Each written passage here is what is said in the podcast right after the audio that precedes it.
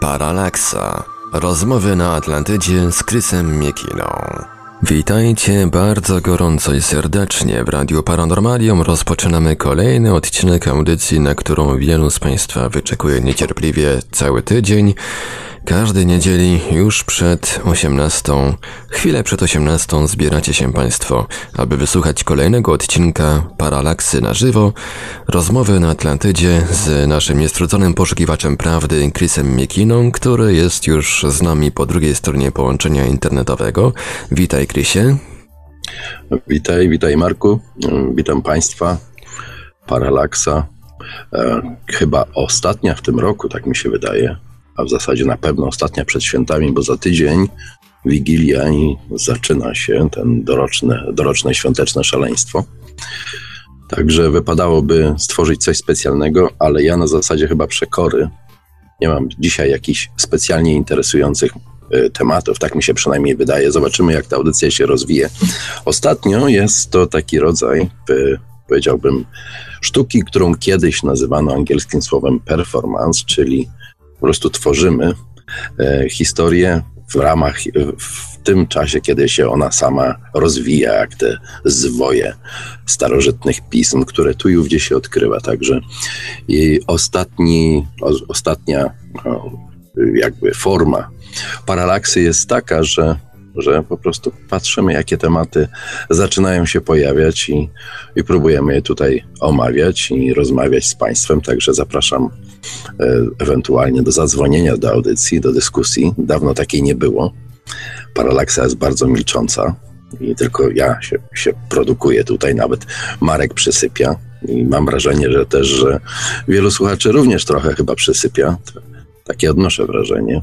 No ale to się Wiesz co, po, Krysie, prze, przewybacz, że ci przerwę, ale po, po Sosnowcu spędzonym od 8 do 19 co najmniej w, po, po dniu, przepraszam, spędzonym w Sosnowcu od, od 8 do 9 co najmniej każdy byłby chyba przysypiający nawet w niedzielę. No ja, ja słyszałem, że w Sosnowcu to w ogóle tam jest zagięcie czasowe i tam bardzo ciężko jest ustalić od której godziny do której. No, e, dodajmy jeszcze to, że mimo, że jesteśmy w strefie Schengen, to przybywając z Katowic trzeba tam przywieźć paszport i pokazać. no, tak się domyślałem. O, i właśnie w tym momencie cię urwało? Ale wiem, do, do, do, do kominka wczoraj. A, Niestety trochę przymroziło, ugrzałem się, a mróz był z zewnątrz, więc dzisiaj mój głos wchodzi w bardzo niską fazę i w którymś momencie może kompletnie zaniknąć. Także też z góry uprzedzam. No to dajmy, dajmy twojemu głosowi trochę odpocząć. Teraz mój głos troszeczkę pomęczymy. Wypadałoby podać chyba kontakty do Radia Paranormalium. Paralaksy realizujemy dzisiaj całkiem spontanicznie, całkiem na żywo. Można do nas dzwonić na nasze numery telefonów 32 746 0008, 32 746 0008, komórkowy 536 20 493, 536 20 493, skype radio.paranormalium.pl. Można także do nas pisać na gadu pod numerem 36 08 8002, 36 08 8002. Jesteśmy też na czatach Radia Paranormalium na www.paranormalium.pl oraz na czacie towarzyszącym naszej transmisji na YouTube. Można także nas spotkać na Facebooku, na kontach Radia Paranormalium i Nowej Atlantydy, na grupie Radia Paranormalium, no i oczywiście, jeżeli ktoś woli, to może nam także wysyłać um, pytania, komentarze, no i różne inne ciekawe wiadomości, włącznie z propozycjami tematów do omówienia w Paralaksie na nasz adres e-mail radiomałpa-paranormalium.pl O, już tu ktoś napisał Ivelios to przecież zakamuflowana mniejszość niemiecka. No dzięki, dzięki wielkie o 35. Dzięki wielkie. Ktoś się na pewno dowiedział, że paszportu nie potrzebujesz do Sosnowca i dlatego. Widocznie tam mnie lubią. No, bo tak udają. Ja ci nawet zazdroszczę, też bym chciał do Sosnowca pojechać. A po co? Zobaczyć, jak tam jest. No nie, jeszcze nie wiem, no ale jak ty tak często tam jeździsz, to widocznie jest to tam coś interesującego. I to w ogóle byłby świetny temat na paralaksa na temat tajemnica Iweliosa i miasta Sosnowiec. E, trójkąt, Katowice, Sosnowiec, Dąbrowa Górnicza. Do Dąbrowy Górniczej co prawda nie zaglądam, ale ponoć taki trójkąt istnieje i ludzie w nim znikają.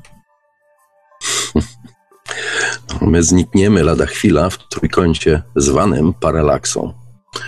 No dziś te tematy, które się piętrzą dookoła, a tak naprawdę jest ich masa. W ogóle, jak zawsze powtarzam, ja w ogóle cierpię na nadmiar tych wszelkich, wszelkich informacji i czasami zauważyłem, że ich ilość no, przeradza się w taką jedną betonową bryłę, identyczną z jakiej zbudowane są piramidy. No i ta bryła z ogłuszającą siłą po prostu zamyka wszelki dostęp i percepcję do wszystkiego, co, co, co dociera.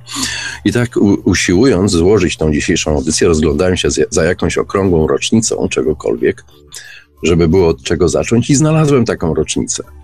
Okazuje się, że dokładnie 50 lat temu, pół wieku temu, e, w Point Pleasant w Virginii szalał Motman. I wszystko to zakończyło się 15 grudnia 1967 roku. Prawdopodobnie co najmniej połowa słuchaczy jeszcze, jeszcze nie było wówczas na świecie. Kiedy to zawalił się most na rzece Ohio, i to zawalenie się tego mostu było przepowiedziane. I to przepowiedziane przez dziennikarkę lokalnego pisma, która miała makabryczny sen. Dziennikarce śniło się, że ludzie toną w lodowatej wodzie jakiejś rzeki i w tej rzece pływają świąteczne prezenty. No i wówczas e, miesiąc później zawalił się ten most w Ohio i zginęło 46 osób. Od tamtego czasu też nie pojawił się w tej okolicy Motman, który utknął oczywiście w legendzie, w książkach Killa, no i w całej tej ufologicznej historii, jaką czasami mamy do czynienia. Także równe 50 lat temu plus dwa dni 15 grudnia 1967 roku. Ostatni element z legendy y, Motmana miał miejsce właśnie w Point Pleasant. Także takim początkiem y, chciałem zacząć dzisiejszą audycję. No i wśród tych tematów, które w zasadzie ostatnio szczególnie, szczególnie dużo ich znajduje dookoła siebie. Są to najrozmaitsze tematy ze starożytności. My ciągle szukamy najrozmaitszych początków tej naszej kultury, co się wydarzyło w historii. Wszyscy przynajmniej zgadzamy się w jednym, że historią się manipuluje, że każdą informację da się w zasadzie zmienić dowolną stronę, zinterpretować w taki sposób, ażeby no, odpowiadała czyjemuś poglądowi na świat i, i punktowi widzenia. I oczywiście takim kontrowersyjnym punktem tego typu rozważań no, są na przykład piramidy. Do dziś nie wiemy, kto je zbudował, jak je zbudował i w ogóle po co je zbudował. Co jakiś czas pojawia się jakaś sensacyjna informacja. Co jakiś czas ktoś próbuje dokonywać różnych e, bardziej lub mniej legalnych odkryć, pojawiają się nowe re, re, rewelacje, które no, rozpalają ludzkie umysły, rozpalają dyskusje. Niestety z czasem te dyskusje gdzieś zamierają, całe te historie gdzieś w jakiś sposób przestają, y, tracą ten swój in, impet i przestają w ogóle się rozgrywać. Nie ma nowych informacji. Tak, tak było z, z różnymi miejscami, które odkryto w Wielkiej Piramidzie na przykład i próbowano je eksplorować, próbowano znaleźć, co w nich jest. Później okazywało się, że takiego miejsca w ogóle nie ma. No i ta historia niejednokrotnie no, zataczała koło i znów, by znów powrócić w nowej formie. Ostatnią historię wokół Wielkiej Piramidy, no to mamy tą historię, która dotyczy oczywiście prześwietlenia piramidy i okazało się, że da się ją prześwietlić i, i kiedy te e, miony które są promieniowaniem kosmicznym, przechodzą przez te kamienie piramidy, one są w stanie e, przyspieszać w miejscach, gdzie, gdzie gęstość materiału jest mniejsza i przez to odkrywają jakąś przestrzeń. I oczywiście taką przestrzeń udało się odkryć ostatnio. Wzbudziła ona no, olbrzymią sensację, pisały o nim wszystkie gazety, łącznie nawet z brukowcami. Każdy się podniecał, co w tym miejscu może się znajdować jak ono może wyglądać czy jest tam być może jakaś dokumentacja, która wreszcie wskazałaby, kto zbudował piramidy, kto za nie odpowiada i, no i w jaki sposób to oczywiście zrobiono. Tym bardziej, że to miejsce, które odkryto w piramidzie jest teoretycznie bardzo duże i bardzo przestronne. Oczywiście problem jest taki, że przestraszeni y, tym odkryciem troszeczkę i zaskoczeni Egipcjanie no nie zareagowali tak czujnie i bystro jak za czasów Zahi Hałasa, no ale ale ta maszyna w końcu ruszyła, no i już Egipcjanie powiedzieli, że nie będzie żadnego kucia, żadnych, żadnych wierceń, żadnego przedzierania się do tego miejsca, gdzie powinna znajdować się w piramidzie ta nisza. I ewentualnie, jeżeli już, to mogą pozwolić na wywiercenie jakiegoś otworu, żeby dostać się do, do, do tego miejsca. No oczywiście pozostaje problem technologiczny. Jak zbadać ewentualnie odkrytą niszę, co się w niej znajduje. No i tutaj na szczęście przychodzi na pomoc technologia. I jest taki pan z Francji, który nazywa się Jean-Baptiste Mouret, wspaniale brzmiące nazwisko, nadające się do jakiejś książki sensacyjnej o poszukiwaczach skarbów, o Indianie Jonesie. On pracuje z taką e, instytucją, która się nazywa Inventors for the Digital World. I e, ta instytucja, która zajmuje się budowaniem różnych niekonwencjonalnych robotów, chce takiego robota zbudować, który przedarłby się do tej niszy piramidzie, którą odkryto właśnie przez otwór na który pozwolono, który ma mieć 3,5 cm średnicy. No i ten robot jest no, specyficzny. Wcale nie przypomina pająka, skorpiona czy czegoś innego, a jest w zasadzie dronem. Robot będzie poruszał się w tym nawierconym otworze. Następnie, kiedy dotrze do tej pustej przestrzeni, prawdopodobnie bardzo ciemnej, no to wówczas napompuje się i stworzy, takiego, stworzy taką postać takiego ministerowca, dzięki czemu nawet jeżeli zacznie obijać się o różne przedmioty, artefakty, czy być może nawet jakieś mumie, czy inne historie, które tam są ukryte, no to będzie się od nich odbijał, niczego nie uszkodzi. I to była główna podstawa dyskusji właśnie z Egipcjanami, żeby ewentualny robot, który tam wejdzie, niczego nie zniszczył, niczego nie zepsuł. Więc ten mały robot będzie oprócz tego nieco bardziej inteligentnym robotem niż większość robotów, bo oprócz tego, że będzie mógł filmować w ciemności, będzie miał jeszcze doczepione inne, y, bardzo wyrafinowane urządzenia, które ewentualnie dadzą więcej informacji, jak ta ukryta komnata wygląda. Ten robot, nawet jeśli się zgubi, będzie miał umiejętność odnalezienia drogi z powrotem i powrotu do punktu wyjścia po to, żeby chociażby naładować baterię. Dzięki temu, że będzie takim latającym sterowcem, maleńkim latającym sterowcem, będzie zużywał znacznie mniej energii, co jest niezwykle ważne. Także jest szansa, że dowiemy się, co w tej tajemniczej niszy się znajduje. I być może rzuci to jakieś światło na to, w ogóle co jest grane z tymi piramidami jak to się stało, że no, wylądowały one nad Nilem i kto je tak naprawdę zbudował i w jaki sposób to zrobił. Jest to nieustająca zagadka i Egipt prawdopodobnie chyba do końca naszej cywilizacji będzie jednym z najważniejszych miejsc, właśnie ze względu na te monumentalne budowle, które no, kryją w sobie tajemnice. Ostatnio oczywiście była e, również e, omawiana tajemnica ewentualnie drugiego Sfinksa, co jest naturalne, dlatego że w większości przypadków, kiedy na przykład uwiecznia się wizerunek Sfinksa na stellach, na różnych płaskorzeźbach w Egipcie, zazwyczaj są to dwa Sfinksy. Sfinksy zawsze chodzą w parze. I dlatego ten jeden samotny Sfinks sugeruje, że być może miał swojego brata bliźniaka, a może siostrę bliźniaczkę, bo niektórzy, tacy jak na przykład Robert Schock, podejrzewają, że, no, że to była lwica, która patrzyła w zupełnie przeciwnym kierunku i da się mniej więcej ustalić geometrycznie, używając y, tego planu, na którym położone są piramidy, w którym miejscu ewentualnie ten Sfinks mógł stać. Ale znów, zanim dojdzie do odkrycia, a wskazane miejsce, gdzie ewentualnie ten Sfinks mógłby być, to jest w tej chwili kupa rozmaitego gruzu, no to to zabierze całą masę czasu bo ta egipska administracja nie spieszy się i w zasadzie ja ją w tym popieram. Myślałem kiedyś o tym, kiedyś mnie bardzo irytowało, że zabiera to bardzo dużo czasu, żeby coś odkryć, do czegoś się dokopać, ale bardzo często w trakcie tego typu poszukiwań okazuje się, że archeolodzy, którym zawsze dajemy taki duży kredyt zaufania, że wszystko zabezpieczą, to co znajdą, dokonują też ogromnej masy zniszczeń. I to są zniszczenia nieodwracalne. Okazuje się później, że parę lat y, y, potem, po tym wszystkim, jest jakaś technologia, która pozwala być, e, żeby była mniej inwazyjna. I, e, no, i niestety no, nie była znana w tym czasie, kiedy do czegoś się dokopywano i cały ten teren został zniszczony. Dlatego coraz większą e, popularnością cieszy się archeologia, która niczego nie odkopuje.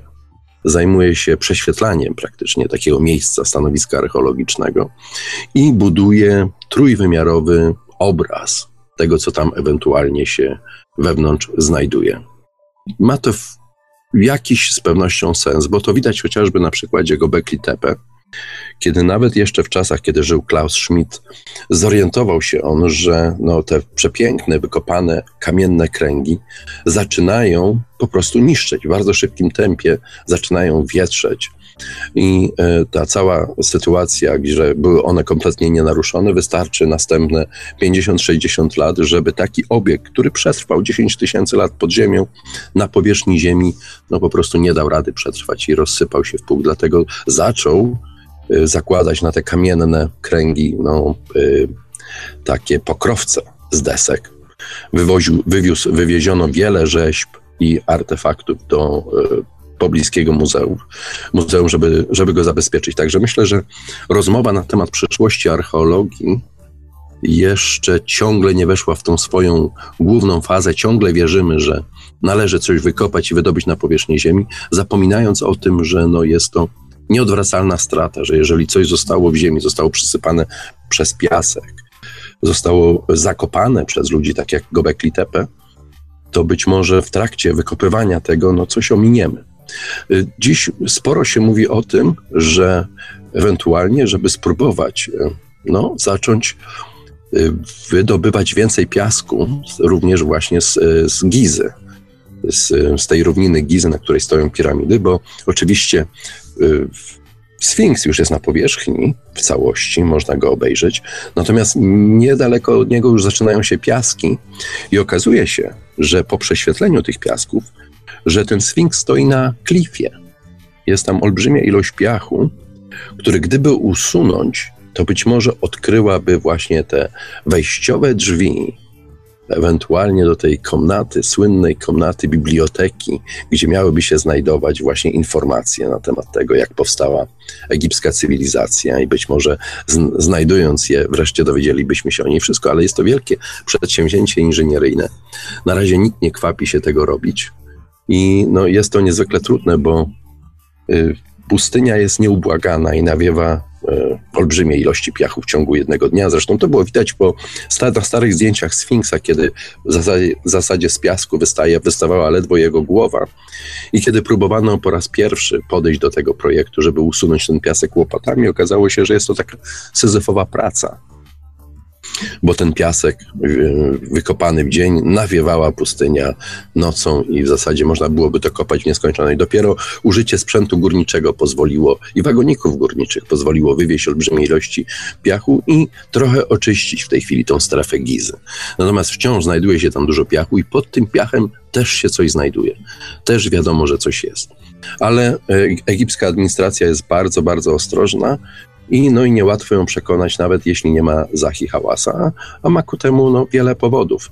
Te zabytki egipskie no, są pod w sumie nieustannym zagrożeniem z różnych stron, bo y, pojawiły się nawet historie z, od y, tych wszystkich fundamentalistycznie nastawionych muzułmanów, że piramidy czy Sfinks, one są religią, która jest wroga Allahowi, w związku z tym powinny być zniszczone, starte z powierzchni ziemi. To jest jeden element. Miejmy nadzieję, że nigdy się coś takiego nie wydarzy i ten ferment religijny nigdy nie weźmie góry. A druga sprawa to jest taka, że w ciągu tych wszystkich lat, kiedy y, te piramidy egipskie, mumie, i różne artefakty zostały wydobywane z różnych miejsc, wiele z nich skradziono. I zniknęły one gdzieś na zawsze, są często w rozmaitych kolekcjach. Dziś na przykład ciągle kradnie się tego typu artefakty. Ciekawe jest to, że no, olbrzymia ilość tych artefaktów jest kradziona właśnie przez tych różnych e, terrorystów z rozmaitych grup powstańczych, czy jakby ich tam nie nazwać, które nazywamy ogólnym słowem ISIS, bardzo nieszczęśliwym słowem ISIS, czyli bogini Izyda, jedna z najważniejszych postaci egipskiej mitologii, jest nagle symbolem czegoś, co jest kompletnie i antyludzkie, a także no, stoi w sprzeczności z dokonaniami starożytnego Egiptu. Dziś oczywiście Egipt jest krajem większości muzułmańskim, ale przez, ma w swojej historii ma zupełnie inną religię i zupełnie inne korzenie. Były to czasy, kiedy w ogóle islamu w ogóle nie było nawet, nie, nie było nawet mowy o, o, o, czymś takim jak islam. I dlatego wiele tych artefaktów jest kradzionych, trafia na czarny rynek, tylko na giełdzie londyńskiej. To jest mniej więcej suma 80 milionów dolarów rocznie, gdzie ukradzione artefakty, głównie właśnie przez ISIS, trafiają na rynek i trafiają do rozmaitych kolekcji. Paradoksem jest to, że kolekcjonerami są głównie chrześcijanie. I właśnie ten paradoks jest no, szczególnie ostry w momencie, kiedy, kiedy zdać sobie sprawę, że to właśnie chrześcijanie wspierają najbardziej antychrześcijański ruch, jaki można sobie wyobrazić na świecie, kupując te wszystkie stare artefakty e, e, z, z czasów starożytnego Egiptu. Także e, te historie pojawiają się co jakiś czas. Egipcjanie e, bardzo często żądają zwrotu tego typu artefaktów, kiedy gdzieś jakiś się odkryje. Oczywiście Niektóre z nich są nie do sprowadzenia z powrotem do Egiptu, jak na przykład kamień z Rozety, który chyba jest no, jednym z najbardziej legendarnych artefaktów, z tego względu, że właśnie to na nim były przetłumaczone e, egipskie hieroglify na inne języki i dzięki temu e, można było po prostu zrozumieć, o co w tych hieroglifach chodzi, ale co jakiś czas odnajdywane są różne inne e, artefakty w sposób bardzo zaskakujący. Ostatnio wybuchła bardzo duża awantura w Australii, gdzie pewna pani, która nazywa się Joan Howard, która była żoną ambasadora Australii w Egipcie i ten mieszkała w Egipcie w latach 60., 70. przez praktycznie ponad 20 lat. Mieszkała w Egipcie, była fascynatką tych wszystkich starych kultur z pogranicza Afryki i Azji. Wędrowała, odwiedzała Palestynę, Syrię, e, Liban, Jordanię. I w każdym z tych miejsc kupowała sobie na targu najrozmaitsze upominki.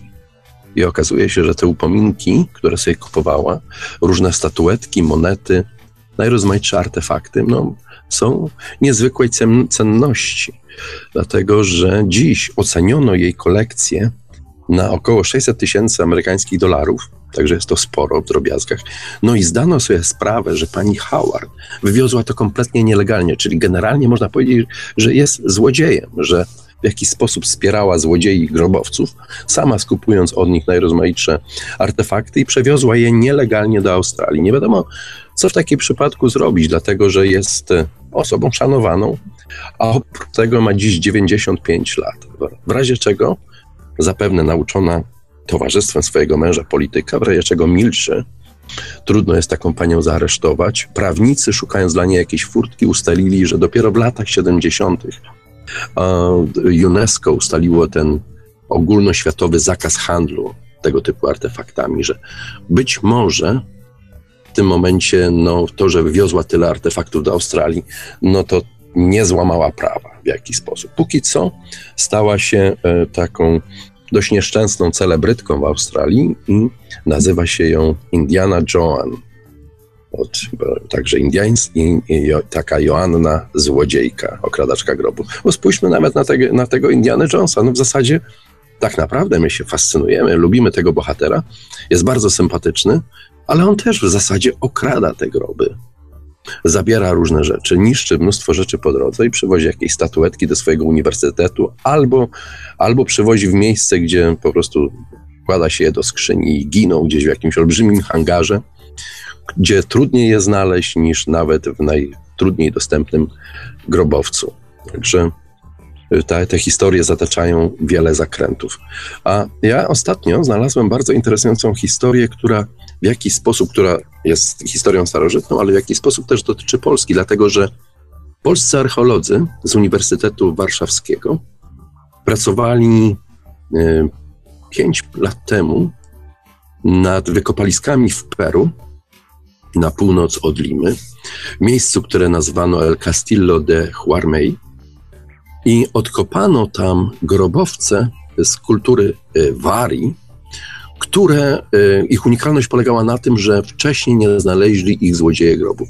Grobowce peruwiańskie mają to do siebie, że są pełne najrozmaitszych artefaktów i są to artefakty drogocenne, więc jest to lep dla złodziei, bardzo kuszący i dlatego no, są oni plagą, dlatego że rozbijają te grobowce, wykradają co cenniejsze rzeczy i niszczą wszystko dookoła.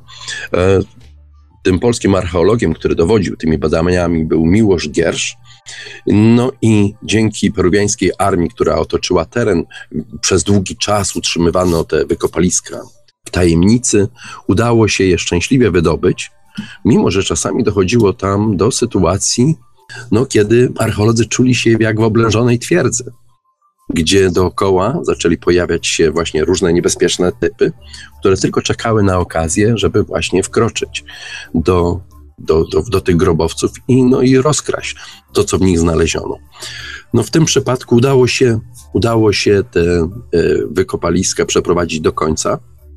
Udało się otworzyć te, grobow, ten, te grobowce i znaleziono w nich 58 szkieletów kobiet i wszystkie były arystokratkami. Dziś ocenia się, że wśród nich były cztery y, królowe, z czego jedna no, zwróciła szczególną uwagę y, historyków, bo jako jedyna z tych wszystkich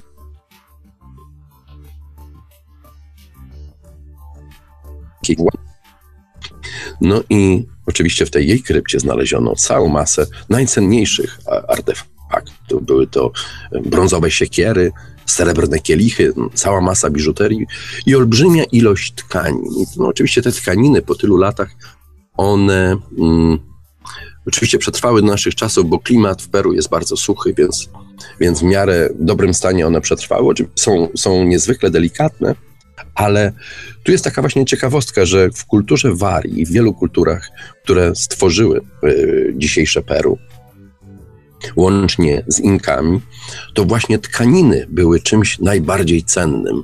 Nie złoto i srebro, czy nawet e, drogocenne kamienie, ale właśnie tkaniny. Niektóre z tych tkanin są niezwykle precyzyjnie utkane, mają przepiękne wzory na sobie i y, okazało się, że żeby utkać taką tkaninę trzeba czasami trzech pokoleń, które tkały jedną makatkę.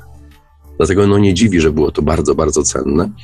Wśród tych różnych artefaktów wokół królowej znaleziono wszystkie te narzędzia potrzebne do, do utkania właśnie y, jakiejś tkaniny. I co ciekawe, właśnie były to narzędzia no, przepięknie wykonane właśnie, właśnie ze złota.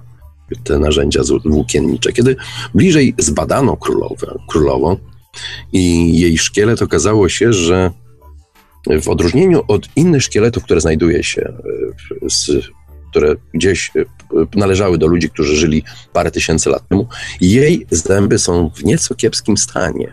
Zazwyczaj zęby przechowują się bardzo dobrze, są z bardzo e, twardej kości, więc, więc dlatego czasami ze szkieletu nic nie zostaje, ale zęby gdzieś tu i ów, gdzieś się porozrzucały i można je znaleźć. U niej było odwrotnie, to szkielet zachował się doskonale, natomiast z zębami był problem i ten problem bardzo szybko wyjaśniono. Wyjaśniono to tym, że no, królowa lubiła się napić i takim e, historycznym napojem, lekko odurzającym z tamtych czasów jest napój zwany chicha.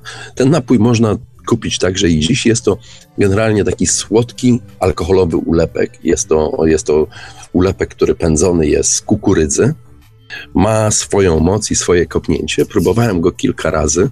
Jest po prostu obrzydliwie słodki i trzeba no, dużo silnej woli, żeby się przedrzeć przez, przez ten napój. Natomiast no, królowa lubiła, lubiła sobie taki, taki słodki koktajl wypić i piła go w dużych ilościach i wydaje się też, że no, nie tylko piła dla przyjemności, ale piła też służbowo, bo wiele różnych obyczajów warii, kiedy składano najrozmaitsze ofiary bóstwom, celebrowano pory roku, celebrowano wszystkie ważne dla nich momenty e, w ich kulturze, no wówczas oczywiście Cicza lała się strumieniami i królowa musiała być strasznie ważna, bo do jej krypty zbudowano specjalny kamienny kanał i wiele, wiele lat po jej śmierci ciągle wlewano tam cicze, żeby właśnie podzielić się z królową, napić się z nią wspólnie i celebrować jakiś bardzo ważny moment w życiu plemienia. No, kultura Warii skończyła kiepsko, bo podbili ją Inkowie. Z kolei kultura Wari to też nie byli aniołki żadne, dlatego że oni z kolei rozbili inną, niezwykle wartościową i interesującą kulturę, która nazywała się Mocze.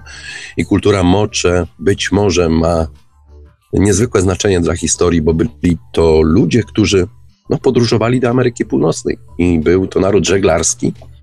I być może te wszystkie y, dziwne artefakty, jakie czasami znajduje się w Arizonie czy w Nowym Meksyku, które przypisuje się e, kulturze Anasazji, a także następnym po Anasazji kulturom, jak na przykład Hopi, i trudno je wytłumaczyć, można odnieść wrażenie, że właśnie one pochodzą z Peru.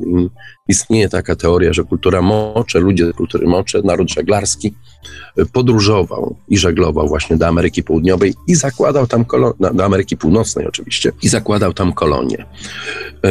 Ta, powracając do tej królowej, powstał taki pomysł, który sfinansował National Geographic, ażeby spróbować odtworzyć jej wygląd. Dziś jest to oczywiście możliwe na podstawie budowy czaszki, na podstawie e, badań antropologicznych, na przykład ludzi, którzy żyją w takim regionie, można mniej więcej ustalić, w jaki sposób mogła wyglądać królowa. No i e, zabrano się do, do pracy. Praca zajęła ponad 220 godzin, rekonstrukcja tej, tej właśnie wyglądu królowej, żeby nie y, zniszczyć tych jej prawdziwych kości. Najpierw wydrukowano jej kości, jej czaszkę w drukarce trójwymiarowej. Także następny, po raz kolejny nowa technologia w fascynujący sposób jest w stanie dopomóc tego typu właśnie zadaniom. I żeby była, jej wygląd był o wiele bardziej autentyczny, y, no to nawet gdzieś na targu w Peru zakupiono autentyczne włosy od starszej kobiety, które właśnie zaczepiono do tej odtworzonej postaci królowej. Jest to jej takie jakby popiersie, jest to jej twarz, zresztą bardzo piękna, bardzo interesująca. I, e, i co ciekawe, macie Państwo, zdaje mi się, o wiele lepszą szansę, żeby na nią popatrzeć na własne oczy, dlatego że właśnie znajduje się w Warszawie. Znajduje się w Muzeum Etnograficznym i pokazują ją od kilku dni, 14 grudnia otwarto tą wystawę. Także hmm, mam nadzieję, że warto tam pójść i, i przyjrzeć, spojrzeć w oczy królowej. Królowej kultury Wari, niezwykle ważnej osoby. Bardzo Wam tego zazdroszczę, że możecie tego dokonać. Oczywiście teoretycznie sam nie oparłbym się, z pewnością poszedłbym odwiedzić taką, taką królową i właśnie popatrzeć, jak wygląda osoba sprzed, no, bardzo, z bardzo odległych czasów która wygląda jak żywa i, i patrzy na nas. Że bardzo interesująca historia i zapraszam do Muzeum y, Etnograficznego w Warszawie. Jeżeli tam będziecie i zrobicie jakieś fotki, mam nadzieję, że nie zapomnicie o mnie i wyślecie mi kilka. Bardzo chciałbym na to popatrzeć y, waszym okiem i na te artefakty, które tam są pokazane, ponieważ całe te wykopaliska są czymś niezwykle unikalnym. Większość y, grobowców w Peru została już dawno okradziona. Dlatego znalezienie czegoś, co jest tak unikalne, nietknięte jeszcze przez złodziei, no jest czymś wyjątkowym i dlatego wyjątkowe przedmioty, dzięki temu, że polscy naukowcy brali udział przy odkrywaniu tego miejsca, no, trafiły do Warszawy i, i możecie się Państwo nimi nacieszyć, popatrzeć na nie, no i być tego, tej całej historii blisko. Przynajmniej działa to na moją wyobraźnię, nie wiem e, jak, jak na Waszą. Jest to niezwykle interesujące. Natomiast jeśli chodzi właśnie o stare kultury i kobiety, bardzo często spotyka się, czy odnajduje się, kiedy dokonuje się takich wykopalisk, bardzo często okazuje się, że kobiety y, pełniły w tych najstarszych kulturach niezwykle istotną rolę. Rolę, która była właściwie wiodąca dla, dla, dla takiej kultury. Okazuje się często, że to królowe miały, władały wielkimi plemionami, czasami królowe prowadziły nawet, nawet wojny aż do momentu, kiedy wojna stała się domeną mężczyzn i stała się to wojną krwawą, stała się jadką, stała się masakrą, której no, efekty odczuwamy niestety do dziś. Kiedy czasami znajduje się znajduje się miejsca, gdzie pochowane były y, osoby właśnie sprzed tysięcy, tysięcy lat, natrafia się na różne prymitywne w dzisiejszym znaczeniu oczywiście kultury, czasami odkrywa się ludzi, szczątki ludzi, którzy żyli jeszcze w czasach, kiedy człowiek zajmował się głównie myśliwstwem i zbieractwem. Jest taki okres w istnieniu całej ludzkiej cywilizacji, gdzie ludzkość jak te antylopy gnu, gnała z jednego miejsca na drugie, y, popychana zmieniającym się cyklicznie klimatem albo dostępnością do, do pożywienia. I to, co zainteresowało właśnie tych wszystkich e, naukowców czy archeologów, którzy dokonali tego typu wykopalisk, to jest fakt, że zazwyczaj szkielety kobiet są o wiele rzadsze do znalezienia niż szkielety mężczyzn. W jakiś sposób kobiece szkielety były delikatniejsze i mniej odporne na czas. Niemniej jednak udało się znaleźć sporą liczbę takich szkieletów, stosunkowo mniejszą do szkieletów męskich.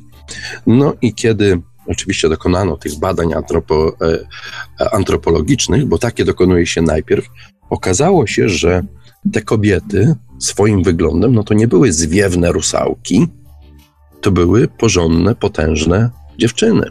Jeżeli dziś oglądamy takie seriale, jak na przykład Wikingowie, i widzimy tam, że kobiety walczą na równi z mężczyznami, w zasadzie jest to, no, mokre marzenie feministek, żeby współczesny świat tak wyglądał, bo kobieta miała dokładnie te same prawa jak mężczyzna, co jest zresztą dziś również realizowane. Wszyscy mamy te same prawa.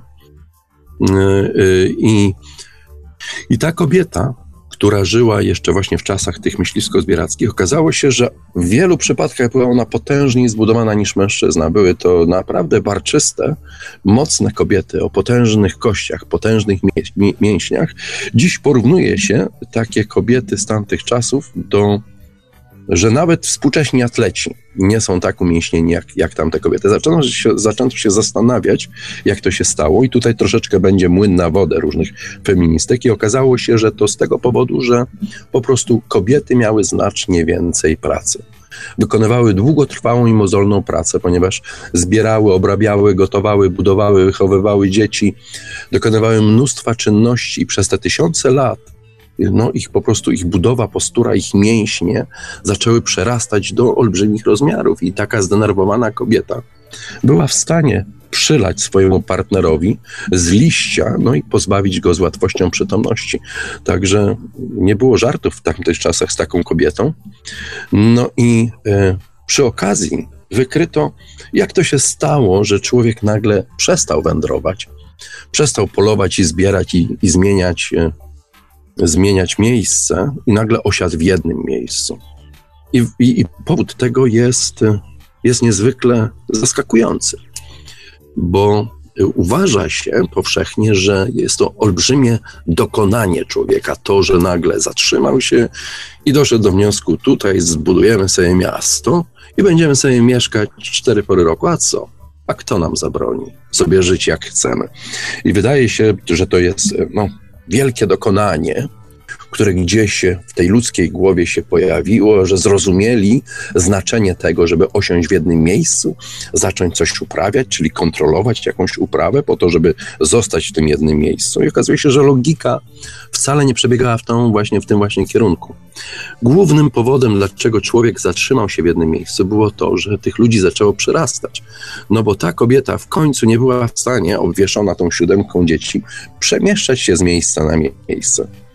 Więc nagle, kiedy plemię z kilkudziesięciu osób zaczęło rosnąć do kilkuset, czasami do kilku tysięcy, to praktycznie nie było w stanie utrzymać się, przenosząc się właśnie w jakieś inne miejsce, ponieważ było zbyt mało pożywienia. I zatrzymanie się w jednym miejscu i nauczenie się uprawiania czegokolwiek zostało wymuszone przez warunki.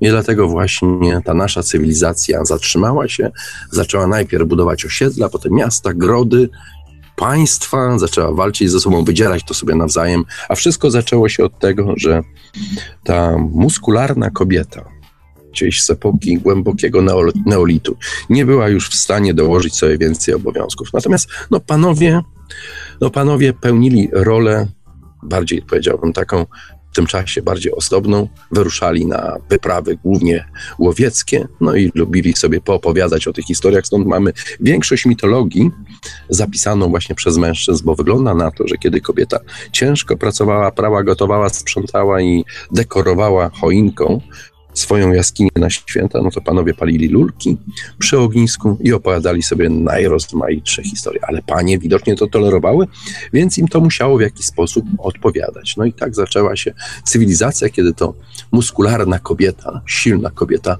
zatrzymała się w jednym miejscu, zaczęła siać zboże.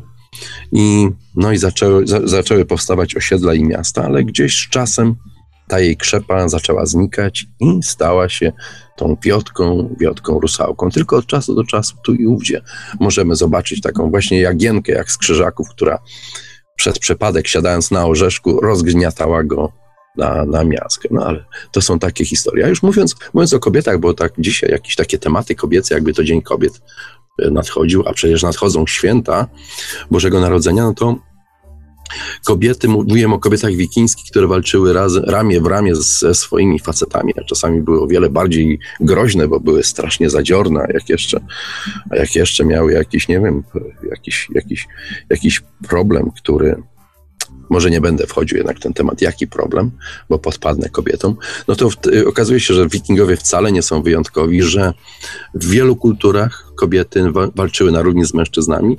Nawet odkryto ostatnio, że y, w Japonii to nie tylko była ta y, kultura samurajów, że byli to tylko faceci. Okazało się, że w Japonii były także samurajki. I o ile ko japońska kobieta kojarzy nam się y, z, z gejszą, no to w Japonii były takie gejsze, które, gejsze, które nazywały się ona bugejsza że to były kobiety, które nie miały nic wspólnego z delikatnością chryzantemy, były kobietami wojownikami. Zazwyczaj stawały się wojowniczkami wtedy, kiedy samuraj nie miał synów, nie miał kogo uczyć, więc nie miał wyjścia, musiał, musiał uczyć y, swoją córkę fechtowania tymi samurajskimi szabelkami. No i w pewnym momencie bywało w historii Japonii tak, że no, całe armie nawet składały się z kobiet. Oczywiście armie w tym sensie i w tej proporcji starożytnej, że największa armia, jaką mniej więcej szacuje się kobieca w Japonii, która gdzieś w którymś momencie się pojawiła, liczyła sobie 2000 kobiet. Były to zadziorne kobiety, mało kto chciał z nimi zadrzeć. Źle skończyły akurat, bo sprzeciwiły się cesarzowi, reprezentowały jakieś lokalne, partykularne interesy, ale no, kobiety odspełniały y, wiele takich ról, które zazwyczaj przypisuje się mężczyznom i wojowniczość prowadzenie wojen była jedną, jedną z nich. I ta cała historia z tą funkcją ona bugejszy, czyli kobiety wojownika, zaczyna się od cesarzowej Jingu, która istnieje na poły legendarnie, ale ta historia jest interesująca, bo cesarzowa Jingu miała bardzo interesujący kamień i tym kamieniem kontrolowała przypływy i odpływy. I ciekawe, czy ma to jakiś związek właśnie z tsunami. Oczywiście nie mówię, że istnieje kamień, który wywołuje tsunami, ale no, takie historie dają zazwyczaj dużo do myślenia, że skoro w japońskiej kulturze tsunami spełnia taką niezwykłą rolę, ważną rolę, niszczy od czasu do czasu ten kraj, a tu okazuje się, że nawet w swoich legendach mają cesarzową, która kontrolowała te przypływy i odpływy. No i ta cesarzowa yy, któregoś dnia postanowiła najechać Koreę, najechać w sposób humanitarny, tak żeby nie rozlać żadnej kropli krwi, więc na metodę Mojżesza po prostu otworzyła morze i cała ta jej armia przeszła właśnie po dnie morskim do Korei, zdobyła ją według planu, Zajęło im to trzy lata, nie rozlali ani jednej kropli krwi i wówczas cesarzowa była w ciąży i była w tej ciąży przez właśnie te trzy lata, ponieważ no, ten jej syn, który miał się narodzić, nie spieszył się z przyjściem na świat, no bo chciał, żeby mama skończyła swoją robotę. No i akurat wpadł na dobry pomysł, bo bo będąc w takiej rodziny, sam później stał się, e, stał się bogiem wojny, jednym z bóstw wojny.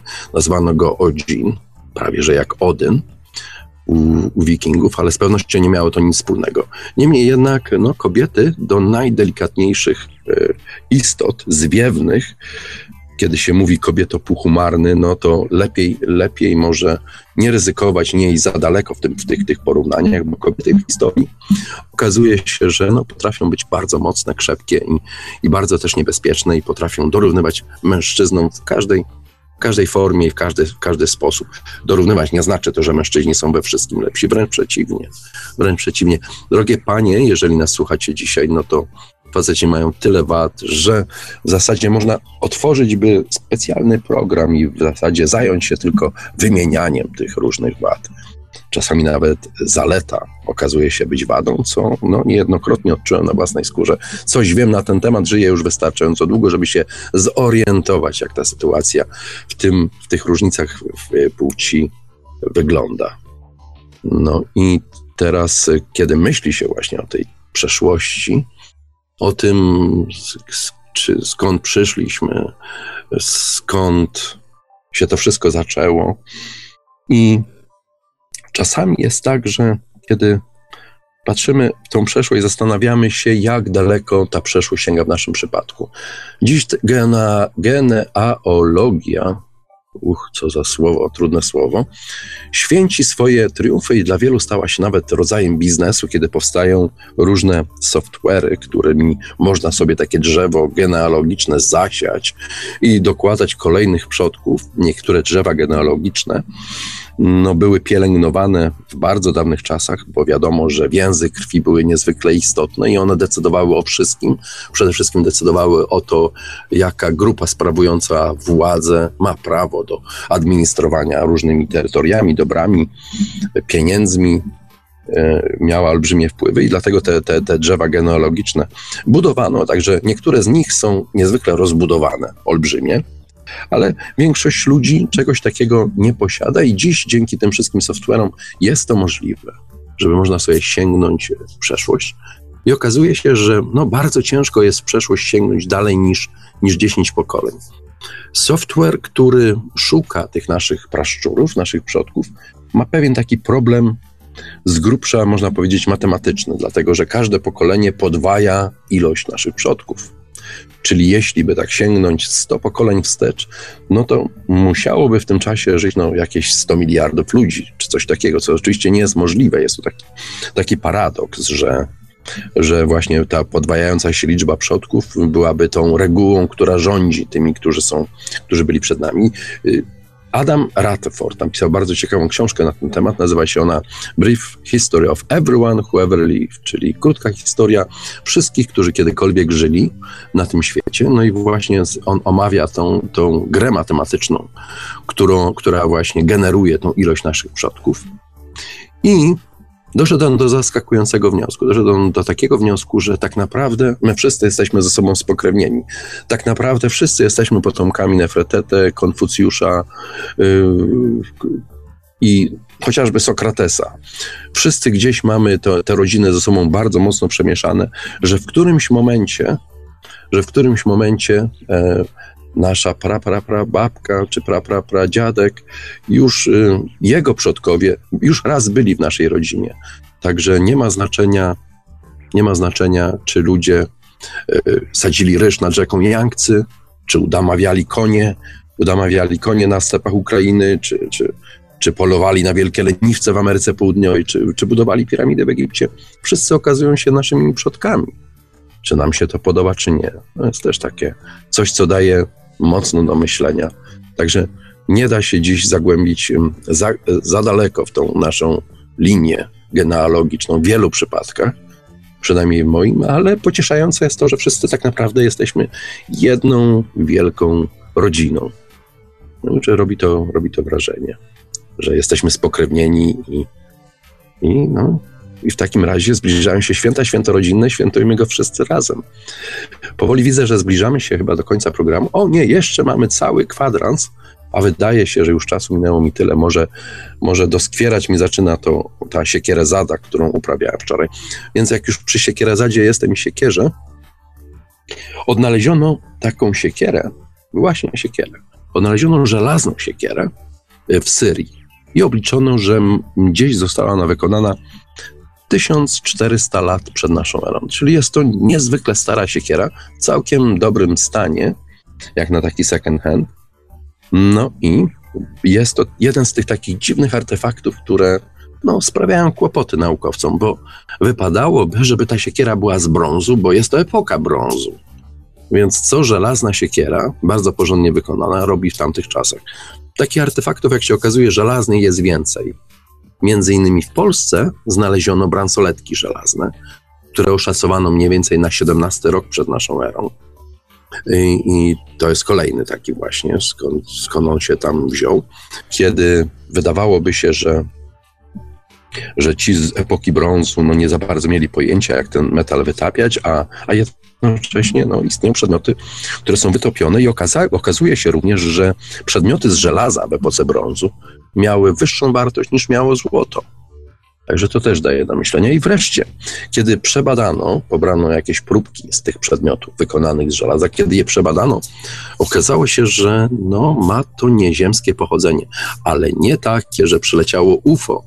I tą siekierę w prezencie przekazało naszemu praszczurowi w Syrii, czy uchodźcy syryjskiemu przyszłemu, tą, tą żelazną siekierę. Ale było zupełnie inaczej. Po prostu ludzie co jakiś czas natrafiali na y, meteoryty. I wiele takich meteorytów ma w sobie olbrzymią zawartość żelaza, niklu.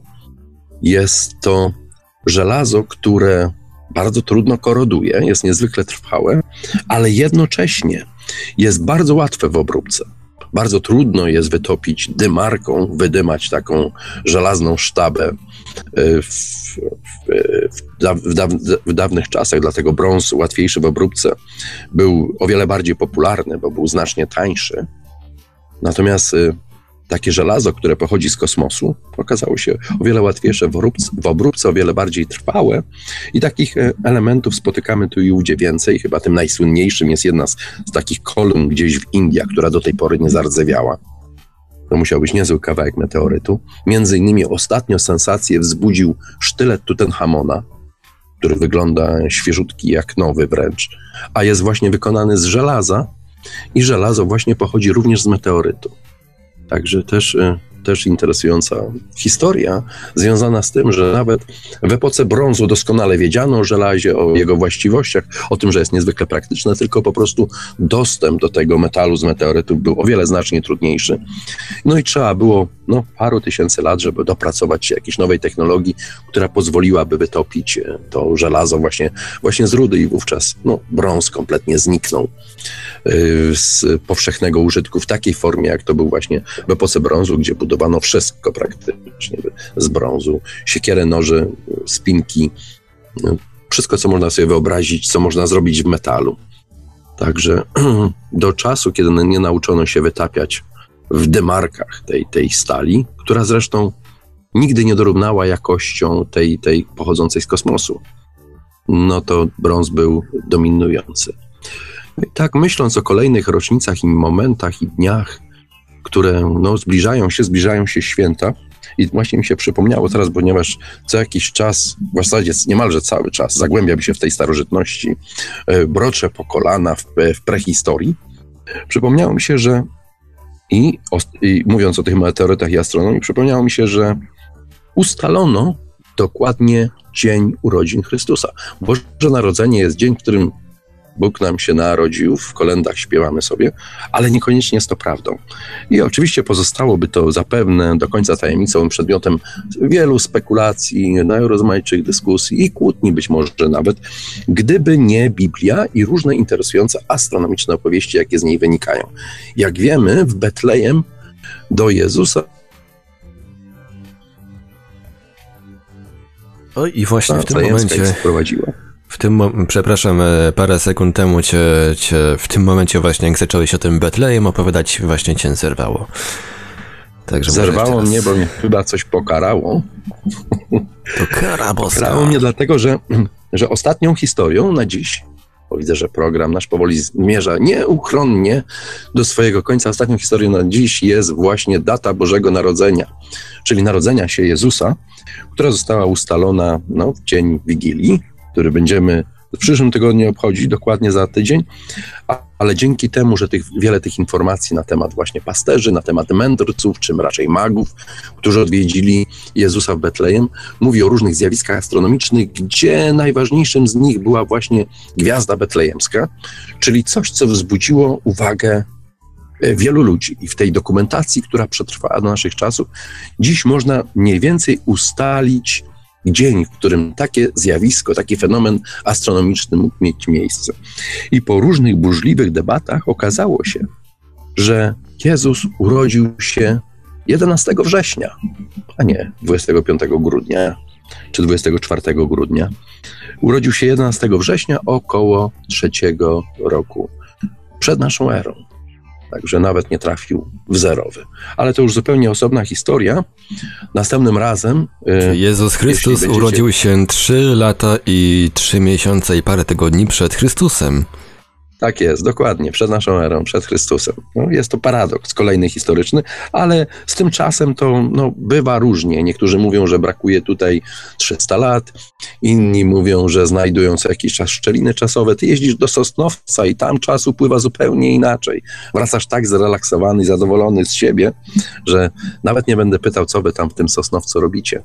Natomiast jeżeli Państwo będziecie mieli ochotę, to w takim razie nawiązując do tej do tego momentu, kiedy Chrystus przyszedł na świat i e, zaczęło się tworzyć siłą rzeczy od jego imienia chrześcijaństwo, no to są, jest mnóstwo ciekawych okoliczności z tych związanych. Między innymi ulubiony przez przeciwników Sycina Heiser napisał książkę, przez którą przebrnąłem, która interpretuje y, Stary i Nowy Testament, pokazuje różne związki, przedstawia wszystko w nowym świetle, a także no jest niezwykła historia z kodeksami jordańskimi, które powstały w zasadzie w czasach, w których y, żył Jezus.